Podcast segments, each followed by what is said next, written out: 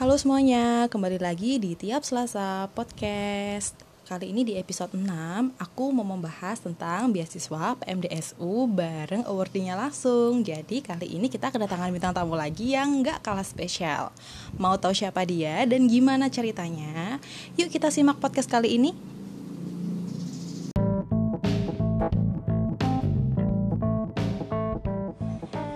Oke semuanya, kali ini kita udah kedatangan Kak Nanda.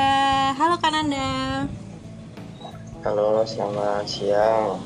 Uh, selamat siang Kak Nanda. Sebelumnya aku mau ngucapin terima Ya, kasih siang. ya buat uh, kesempatan yang diberikan karena aku tahu Kak Nanda sibuk banget ya pasti. Makasih udah nyempetin datang ke tiap Selasa podcast edisi ngobrol bareng PMDSU Awardee. Makasih ya Kak. Ya, terima kasih sama-sama. Saya Iya. juga terima kasih. Ya, nah sebelumnya boleh diperkenalkan dulu nggak kak eh, nama lengkap kakak siapa? Terus eh, sebagai PMDSU Awardee ini, PMDSU itu apa sih kak? Karena aku jujur sendiri, aku jujur ya, aku sendiri kayak masih bingung gitu PMDSU itu apa gitu. Boleh dimulai kan anda?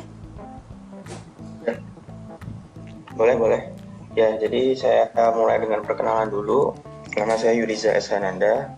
Uh, saya alhamdulillah diamanahi untuk mendapatkan beasiswa PMDSU batch 4. Batch 4 itu tahun 2018. Jadi kan PMDSU itu kan mulainya dari tahun 2013 itu batch 1 setiap dua tahun sekali sebenarnya bukannya di tahun ganjil. Nah, pada saat eh, tahun 2018 itu beruntungnya Dikti itu juga buka gitu. Jadi eh, tahun 2018 itu mungkin satu-satunya tahun genap yang buka ya karena tahun ini Oh. saya cek belum ada yang buka lagi gitu Oke. PMDSU-nya.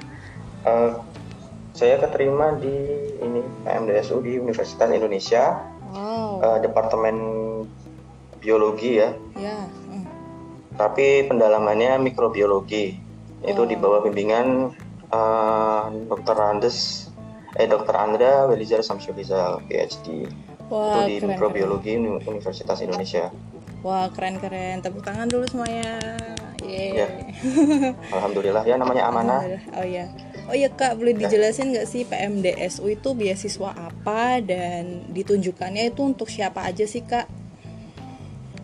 ya PMDSU itu eh, beasiswa yang sebenarnya utamanya kalau saya baca itu untuk fresh graduate jadi eh, PMDSU kan singkatan ya kepanjangannya itu adalah eh, pendidikan menuju doktor untuk sarjana unggul jadi PMDSU Oh. pendidikan menuju doktor untuk sarjana unggul. Jadi eh, beasiswa ini sebenarnya eh, S2 langsung S3 Mhm. selama empat tahun gitu. Jadi paket empat tahun.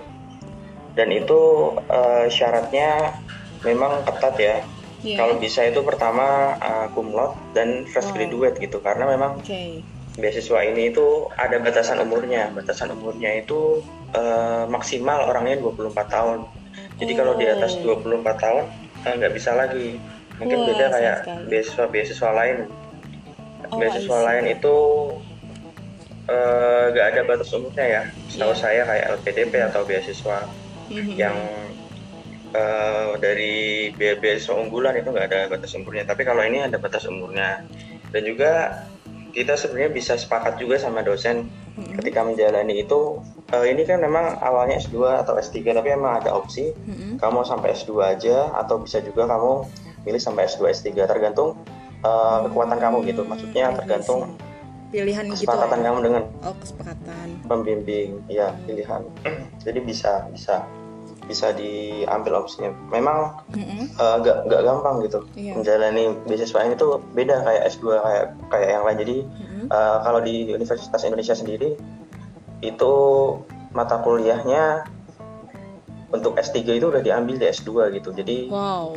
eh, jadi satu semester tuh saya bisa 24 SKS kali ya untuk S2 itu kan normalnya kan 15 sampai 18 Iya, untuk S2 jadi eh, saya tuh menghabiskan 24 SKS lah untuk satu semester. Jadi nanti S3-nya itu tinggal riset saja tinggal Hmm, nulis. Kalau bisa tinggal riset dan nulis aja. Jadi j- jadi kalau di Universitas Indonesia kan ada S3 jalur riset. Jadi Oh. eh, kalau untuk eh, kalau untuk PMDSU ini S2-nya nanti padat. Mm-mm. S3-nya nanti tinggal riset. Tapi ini berbeda-beda peraturannya. Mungkin kalau di Undip itu beda lagi. Jadi Mm-mm. S2, S2 aja, nanti S3 itu ngambil mata kuliah lagi. Beda lagi juga nanti di IPB. Jadi beda-beda. Oh, jadi tiap universitas tuh Untuk, beda ketentuannya ya Kak Nanda ya? Beda, beda. Oh, Ketentuannya beda-beda. Hmm. Kalau di Undip eh, teman saya itu dia apa namanya? harus mengambil mata kuliah eh, S2 diselesain dulu, nggak Hmm. bisa ngambil S3, jadi ngambil S3-nya setelah dia masuk S3 gitu. Oh ya, yang ngerti paham, Beda, paham, beda. paham. Oke, jadi beda-beda ya teman-teman. Nanti tergantung teman-teman mau memilih universitasnya yang mana. Nanti kita konsultasi dulu Ya. ke profesornya gitu ya kak ya? Eh, nggak juga sih. Jadi kalau mau melamar beasiswa ini tuh sebenarnya gimana ya?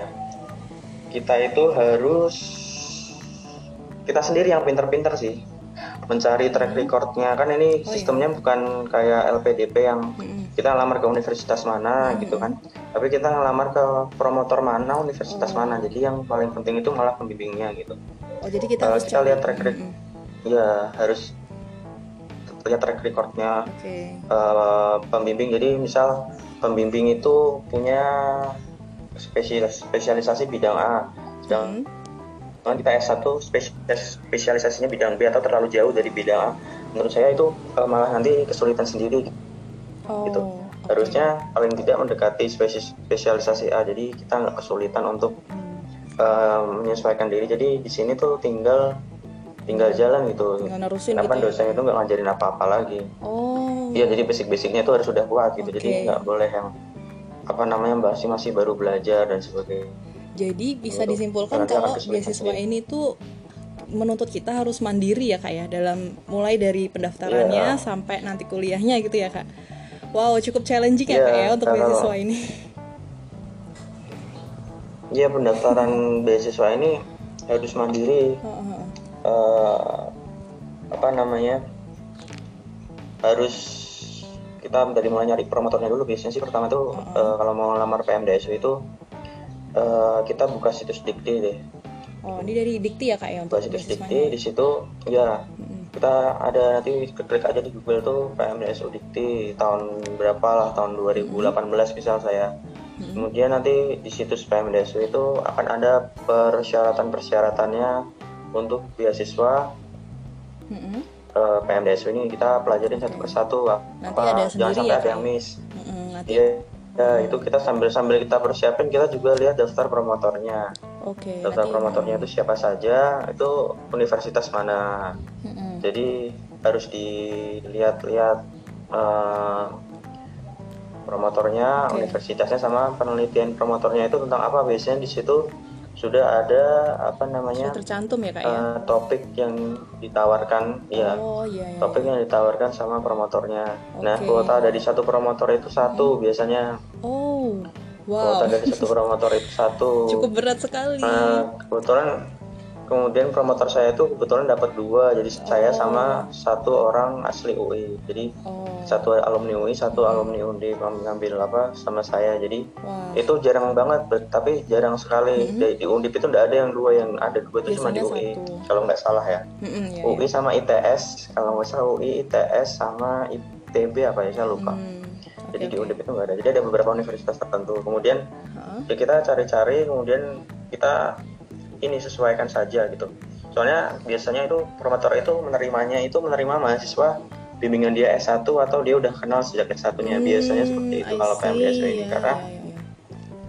biasanya seperti itu. Jarang sekali eh, yang menerima dari luar. Tapi ada tapi juga cukup cukup eh, tapi lebih pers- banyaknya gitu persentasenya ya, lebih ya. lebih ya lebih banyaknya tuh udah kenal sejak S1 Oke, atau mahasiswa S1-nya sendiri. Oke. kemudian apa namanya harus eh, ikut tes juga di mana di universitasnya harus Oh, ada buka tes juga oh, ikut penerimaan tes. S2 di universitasnya iya ada ada ada ada ada seleksi di Universitasnya ya, ya? universitasnya Iya kayak kita masuk S2-nya eh, kayak kita masuk tes masuk S2 itu kan tiap-tiap universitas universitas ada tesnya ya Hmm, kita juga iya, harus ikut itu gitu Oh, I see ya. jadi ya. eh, simpulannya itu kalau mau ikut PMDSU itu tadi langkah-langkahnya kemudian seleksinya sebenarnya ada tiga uh, seleksi yang dikti Mm-mm. nanti berkas-berkas kita tuh memenuhi atau ti- tidak Seleksi berkas gitu ya kemudian ya? seleksi dari promotor ya ya kalau di dikti itu berkas Mm-mm.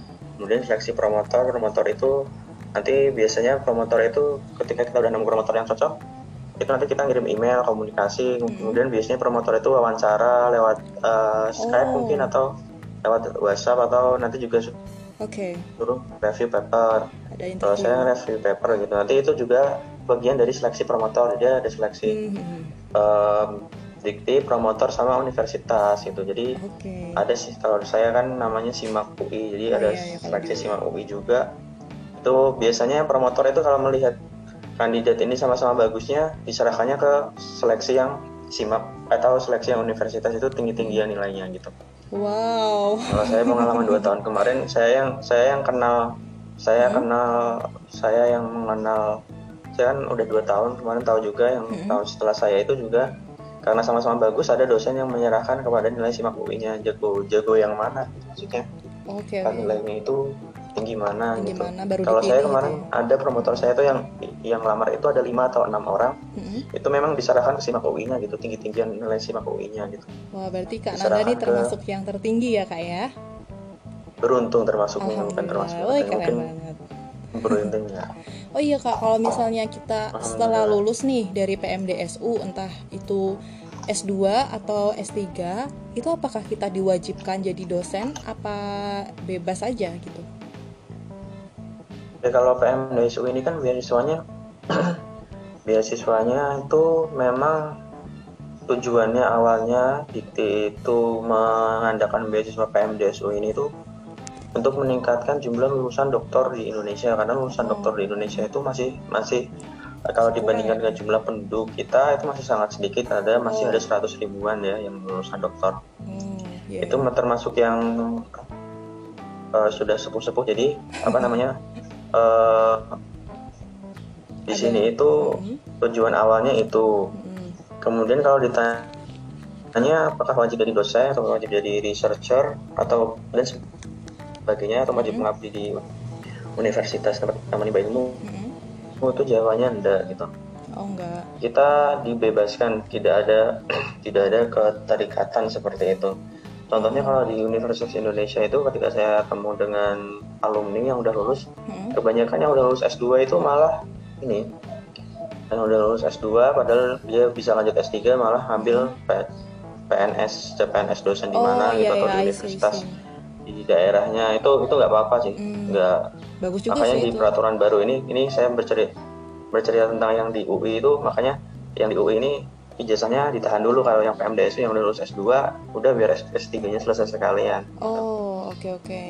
Paham paham. biar nggak soalnya dari batch sebelumnya ada yang ini ya Oh, dari iya, iya. CPNS jadi jadi memang Jadi tujuan awalnya kan itu ya hmm, memperbanyak dokter yang eh, bisa riset gitu. Jadi eh, empat tahun itu sebenarnya kita juga dapat bonus. Hmm, hmm. apa namanya jadi empat tahun ini PMDSU ini juga dikti itu em, men- men- men- mempersiapkan atau membuat beasiswa ini nggak sembarangan. Jadi Hmm, awalnya ada seleksi promotor dulu sebelum kita diseleksi promotor dulu yang diseleksi. Dan Promotor juga promotor diseleksi. itu- Oke. Iya promotor itu harus diseleksi harus oke oke oke. pernah meluluskan S3 juga. Jadi eh, terus ada- harus punya punya channel di luar negeri gitu. Jadi Hmm, apa namanya lulusan dari apa lulusan dari PMDSU ini pasti dia pernah ke luar negeri pasti pernah research di luar negeri harus punya pengalaman dan relasi itu ya kak ya. Eh, Untuk maksudnya Iya. ya. Wah keren sih. Berarti ini wah beasiswanya mantap banget nih teman-teman bisa dicoba Oh. karena dari promotornya aja diseleksi loh. Jadi pasti udah kualitasnya yang nggak diragukan ya kak ya. ya kalau promotor itu diseleksi ini berdasarkan apa namanya Eh, tadi saya bilang pernah meluluskan mahasiswa dokter punya relasi luar negeri sama Hmm? indeks publikasinya dinilai juga sama dikti jadi nggak sembarangan Oh Eh, promotor ya biar bisa masuk yang bisa disetujui Hmm. gitu oke oke oke. Ya, jadi pasti orang PM, PMDS itu pernah lah ke luar negeri. Ya, Soalnya memang eh,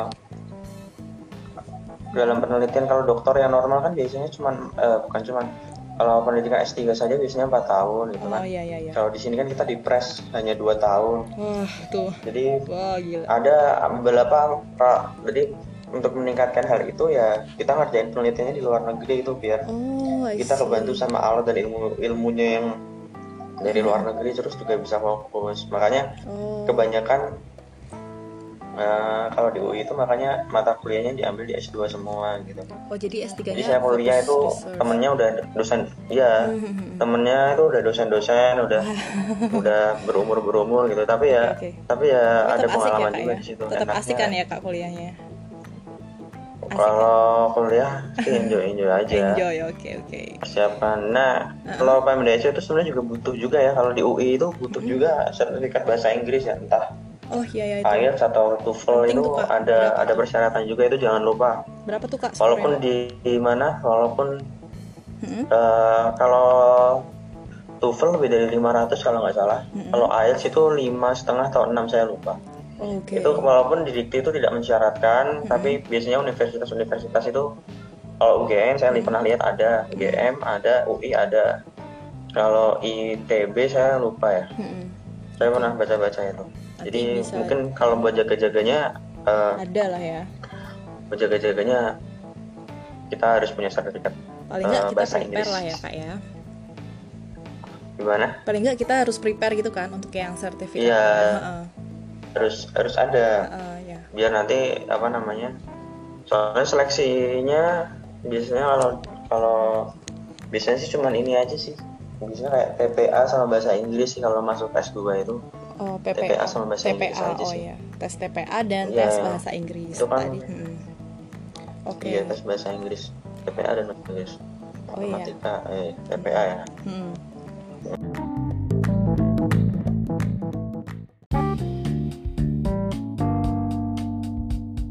Oke, jadi eh, boleh nggak diceritain Kak Nanda ini eh, awalnya gimana sih Kak eh, untuk penelitiannya gitu? Tadi kan Kakak cerita nih kalau PMDSU ada relasi research research di luar negeri. Nah, kayaknya menarik tuh Kak kalau buat diceritain. Boleh di eh, spoiler dikit nggak eh, buat teman-teman nih biar ada motivasi buat eh, pendaftar PMDSU. Mm. Oke, kalau research Mm-mm. eh, saya promotor saya itu kan tentang taksonomi bakteri ya. Mm-mm. Jadi memperoleh bakteri dari alam untuk dimanfaatkan lebih lanjut atau memperoleh spesies baru Mm-mm. eh, yang belum pernah ditemukan sebelumnya. Jadi kalau penelitian saya itu eh, memperoleh bakteri ya, bakteri langka ya, Heeh. bakteri langka, jadi rare Oh, bakteria bakteri dari kawasan geotermal itu di Cisolok. Oh. itu udah dapat bakterinya waktu itu eh, kita melakukan isolasinya itu di di mana? Di Jepang ya. Di Jepang tuh di Tohoku University. Wow. saya mengerjakannya tahun 2019 Wow.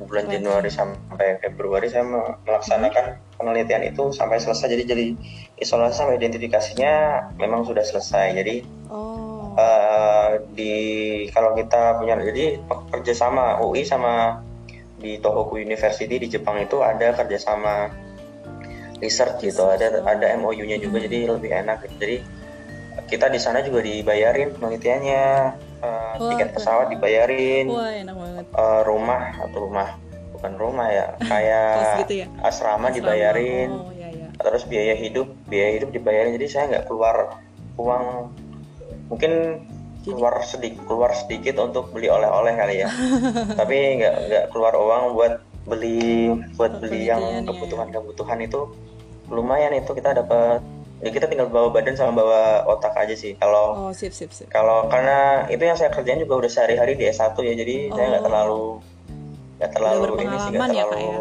Nggak terlalu kagok nggak gitu ya. terlalu suruh mungkin ada beberapa mungkin saya agak belum mengenal karakter bakterinya kalau di Hmm. awal-awal jadi di sana saya punya sensei Mm-mm. Sensei itu apa, itu Kak? diajarin sensei itu kayak guru kayak dosen yang Oh, membimbing dosen. di sana gitu Oh, Oke, oke, oke. diajari oh jadi karakter bakteri langka ini seperti ini koloninya karakternya dan Hmm, sebagainya. Jadi saya dapat ilmu baru. Jadi tipsnya eh tipsnya tuh kayak gini. Jadi saya eh, belajar langsung dari sensei saya. Jadi eh, enaknya kalau kita punya pengalaman di luar negeri itu seperti itu. Jadi sensei saya itu Mm-mm. kan kalau dalam kalau ini kalau di biologi tingkatan taksonomi kan ada kingdom sampai spesies ya yang paling Uh-uh. enggak sensei saya itu penemu tingkatan kelas baru dalam kingdom bakteri. Jadi Uh-huh. Eh, saya belajar saya, saya belajar langsung dari em, penemu pertamanya gitu. Jadi jadi penemu Waduh. kelas pertama. Jadi Wah keren keren keren. saya belajar belajar langsung diajarin langsung. Ini caranya gini ya kamu lihat ini koloninya gini karakternya gini. Mm-mm. kamu coba lihat deh pilih satu deh gimana caranya. Jadi alhamdulillah dapat kesempatan di situ. Saya bisa belajar dari eh, penemu eh, tingkatan taksonomi di tingkat kelas Uh-uh. itu saya belajar langsung dari beliau jadi saya dapat banyak ilmu baru gitu Eh, terus Hmm. di sana juga teknik PCR-nya atau teknik polymerase chain reaction-nya itu agak berbeda gitu Oh, agak berbeda dari di sini jadi jadi saya dapat ilmu-ilmu teknik-teknik baru juga oke oke. Eh, tinggal menyesuaikan aja sih. Jadi enaknya kalau di PMDS itu kalau eh, researchnya bisa di luar negeri itu dua bulan. Mm-mm. Eh, Sebenarnya minimal minimal sih 6 3 sampai enam bulan. Tapi saya udah ambil dua bulan duluan waktu di sana. Hmm, Gitu. Wah Jadi kayaknya di sana banget. pasti kita Heeh. belajar ya belajar belajar dan bisa fokus gitu. Bisa Iya, fokus karena emang di sana kita untuk riset aja gitu. Ya mungkin jalan-jalan sedikit lah. Ya, tapi kayak. fokusnya emang riset gitu. Ya. Wah seru banget nih. Ini mungkin bisa jadi salah satu motivasi buat teman-teman nih yang emang passionnya di research kayak Kak Nanda ini. Bisa loh kita nanti bisa research di luar negeri uh, walaupun kita kuliahnya di Indonesia ya kak ya kita tetap punya relasi Ya. di luar negeri dan itu menurut aku keren banget karena kita ya udah kita cuman fokus uh, researchnya aja dan semua untuk fasilitasnya dan biayanya sudah diatur sama sananya gitu lah ya kak ya istilahnya Ya, keren keren keren udah dapat udah dapat udah dapat sendiri jadi eh, enaknya kalau eh, saya kalau beberapa teman PMDS memang cari sendiri gitu ada yang mencari sendiri Mm-mm. walaupun eh, promotornya udah punya relasi gitu ada yang tetap mencari sendiri saya, saya Oh. pengennya di sini aja saya Kalau pengennya di sini aja kak Nanda waktu itu atau promotor sendiri ya? promotornya ada yang iya kalau promotor Oh. saya enggak sudah mengarahkan sudah kamu nanti Oh, sama sendiri, ini iya, aja iya, karena iya. kita sama ya karena UI sudah ada MOU jadi oh ya pengurusan dokumen keberangkatan eh, pencairan uang dan sebagainya itu nggak ribet gitu maksudnya tuh Mhm. ya sudah jadi ada juga teman saya itu yang Mhm. dari ITS ya, Mm-mm. atau juga ada yang dari Undip itu. Mm-mm. dia mencari sendiri gitu. Ke ini mau karena mungkin topik penelitian dia itu agak berbeda atau nggak tahu kesepakatan dengan promotornya seperti apa dia dia cari sendiri gitu di luar negerinya di sini di sini di sini ya itu bisa sih cuman itu Hmm. memakan waktu yang lebih lama dan eh, kalau ada MOU antar universitasnya mungkin bisa lebih ya fasilitasnya nggak sama dengan yang saya dapat gitu. kalau saya kan istilahnya di Jepang itu saya dapat beasiswa lagi beasiswa research lagi itu Hmm. termasuk biaya- biaya-biaya yang saya sebutkan tadi jadi biaya biaya Hmm. makan biaya asrama biaya eh, tiket pesawat biaya riset itu itu dapat sendiri dan enaknya di Jepang itu dia kalau ngasih uang tuh di awal ya cash Oh. jadi saya baru datang udah langsung dikasih duitnya udah nih ini duit buat kamu kamu kerjain risetnya jadi ada kayak di gitu Indonesia ya. ya ini di Indonesia kan dia harga ini untuk Biasanya selingan aja di Indonesia ya. kan kadang malah telat gitu Oke oke, jadi di Jadi akhir gitu ya kak. Tapi Mm. tapi pasti ya tapi pasti dapat kalau di Indonesia. Mm-mm. Alhamdulillah beasiswanya selalu cair dan dan di pertengahan atau di akhir periode sih. Mm-mm. Ya seperti itu. Wah keren banget nih. Semoga teman-teman jadi termotivasi ya kan ya kak ya. Nah kalau ngomong soal motivasi Ya. nih, kalau kak dari kak Nanda sendiri ada nggak pesan-pesan motivasi atau tips and tricks buat teman-teman fresh graduates yang mau mengikuti jejak kak Nanda untuk menjadi PMDSU awardee? Ada nggak kak? Bukan ya ini bukan cuma untuk PMDS Award dia untuk Oh, iya, iya. seluruh beasiswa sebenarnya kalau untuk mendapat beasiswa itu nggak sekali dapat ya maksudnya Oke oke oke. nggak sekali kita tembak beasiswa itu kita dapat gitu. Mm-mm. mungkin kita perlu trial and error beberapa kali saya pun juga mengalami beberapa kegagalan gitu sebelum keterima di sini nah Wow. kuncinya itu kalau untuk teman-teman fresh graduate itu Mm-mm. Harus pertama harus menentukan pilihan ya. Menentukan pilihan. Ketika kamu lulus kamu mau kerja apa mau sekolah lagi? Hmm. gitu. Mm-mm. kamu mau kerja atau mau sekolah? Kalau kamu mau sekolah lagi ya fokus gitu. Mm-mm. ketika kita udah fokus walaupun kita gagal maksudnya belum berhasil ya kita akan selalu coba lagi gitu. Coba lagi coba lagi. Insya Allah ada yang ada ada jalan kalau kita uh, selalu nyoba. Jadi ketika saya udah lulus saya udah mikir udah saya mau sekolah lagi lah. Mm-mm. jadi saya waktu itu walaupun beberapa kali ditolak beasiswa lain Mm-mm. saya tetap nyoba gitu. Akhirnya Wah. alhamdulillah keterima di PMDS jadi ya tetap mencoba terus dan sabar. Dan jangan lupa yang paling penting juga berdoa. Wah keren keren. itu aja. Jadi kalau kita udah termotivasi untuk pengen sekolah ya nggak apa-apa. Otomatis kalau kita udah pengen sekolah pengen sekolah motivasinya fokusnya udah setelah lulus pengen sekolah insya Allah kita juga bakal kuat kok gitu Jadi jangan Ya, gitu pernah aja. ini berhenti berjuang ya kak ya intinya. ya ya terus berjuang sabar dan berdoa Sabar. Doa. oke. Walaupun gitu aja awalnya mungkin susah jalannya karena mungkin ditolak gitu. Tapi kita percaya aja bakal ada yang ada rezekinya gitu lah ya kak Nanda ya. ya ya kalau ditolak itu bukan berarti kita bodoh bukan berarti kita nggak bisa bukan berarti kita nggak layak Mm-mm. tapi tempat kita bukan di situ gitu. Bener bener bener. tempat kita rezeki kita tuh ada di tempat lain gitu. Kalau rezeki, Iya, iya, benar-benar. rezeki kita di situ tuh bakal nggak ketukar gitu oke, wah saya yakin itu keren banget pesan-pesan motivasinya kak Nanda. ya Iya, ya alhamdulillah ya terima kasih juga dikasih kesempatan buat sharing ya iya. semoga bisa bermanfaat gitu sharing-sharing yang hari ini Amin. dilakukan Iya, amin. Oh ya Kak Nanda, ya, amin.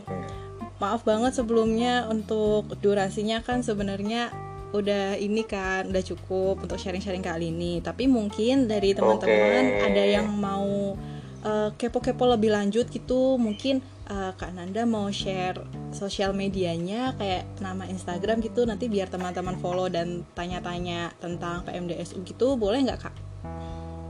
boleh boleh Eh, ke- klik aja nama lengkap saya Yuriza S Hananda atau ID-nya Yuriza Nanda 31 Yuriza Nanda 3 nggak apa-apa sih kalau mau Iya nggak apa-apa kalau mau tanya-tanya Insya Allah ya saya bantu sebisa saya Oke. Jadi nanti Iya, boleh ya di follow bantu. sama teman-teman ya kak ya. Eh, boleh boleh nggak apa-apa Nah buat kalau teman saya bisa berbagi kenapa enggak gitu kan Wah, bener banget kak. Ya jadi kita harus uh, Iya kalau bisa berbagi bermanfaat kalau untuk orang lain ya kak ya. Ya Mm, jadi teman-teman Iya, yang itu uh, benar. mungkin masih ada pertanyaan lain nih yang tidak bisa terjawab di podcast ini, nanti uh, bisa chat langsung ke Kak Nanda di Instagramnya tadi. uh, cari aja namanya @yuriza Eshananda. Nanti aku akan uh, ketik namanya di description box ya teman-teman. Nanti Kak Nanda akan jawab sesempatnya ya Kak ya karena Kak Nanda ini sibuk banget nih. Tapi karena kesibukan ini aku makasih loh Kak udah mau nyempetin uh, di podcast aku. Makasih ya Kak Nanda. ya ya sama-sama Ya. sama-sama ya saya juga terima kasih Iya. ya So, uh, kita lagi lagi mengerjakan mengerjakan tesis aja sih kalau Oh, sibuknya itu karena tesis. mengerjakan tesis aja kalau sibuk oh lagi ngerjain sibuk tesis. bangetnya itu eh, karena ya karena lagi berpacu dengan waktu Oke, Ya, tapi nggak apa-apa. Oke. saya ada ada ada Mm-mm. ada bisa lah saya kalau ngatur waktu Oke, sip sip alhamdulillah sip. juga terima kasih setelah diberi kesempatan untuk berbagi dengan teman-teman Ya, alhamdulillah semoga podcast kali ini dapat bermanfaat ya Kak ya. Kita doain uh, supaya Kak Nanda lancar untuk tesisnya dan kuliahnya dan semoga nanti menjadi peneliti Amin. atau dosen yang sangat dibanggakan dari Indonesia. Gitu ya Kak ya. Amin. Amin ya rabbal alamin Amin, amin. Oke Kak Nanda, terima kasih atas waktu dan kesempatannya. Semoga di lain kesempatan kita bisa interview bareng lagi ya. amin ya Amin. Ya ya sama-sama sama-sama ya amin Sukses terus ya Kak Nanda. Terima kasih ya Kak sukses sudah terus juga buat bergabung. buat Lala buat semuanya Ya. Ya, Dadah. sama-sama. Bye. ya yuk bye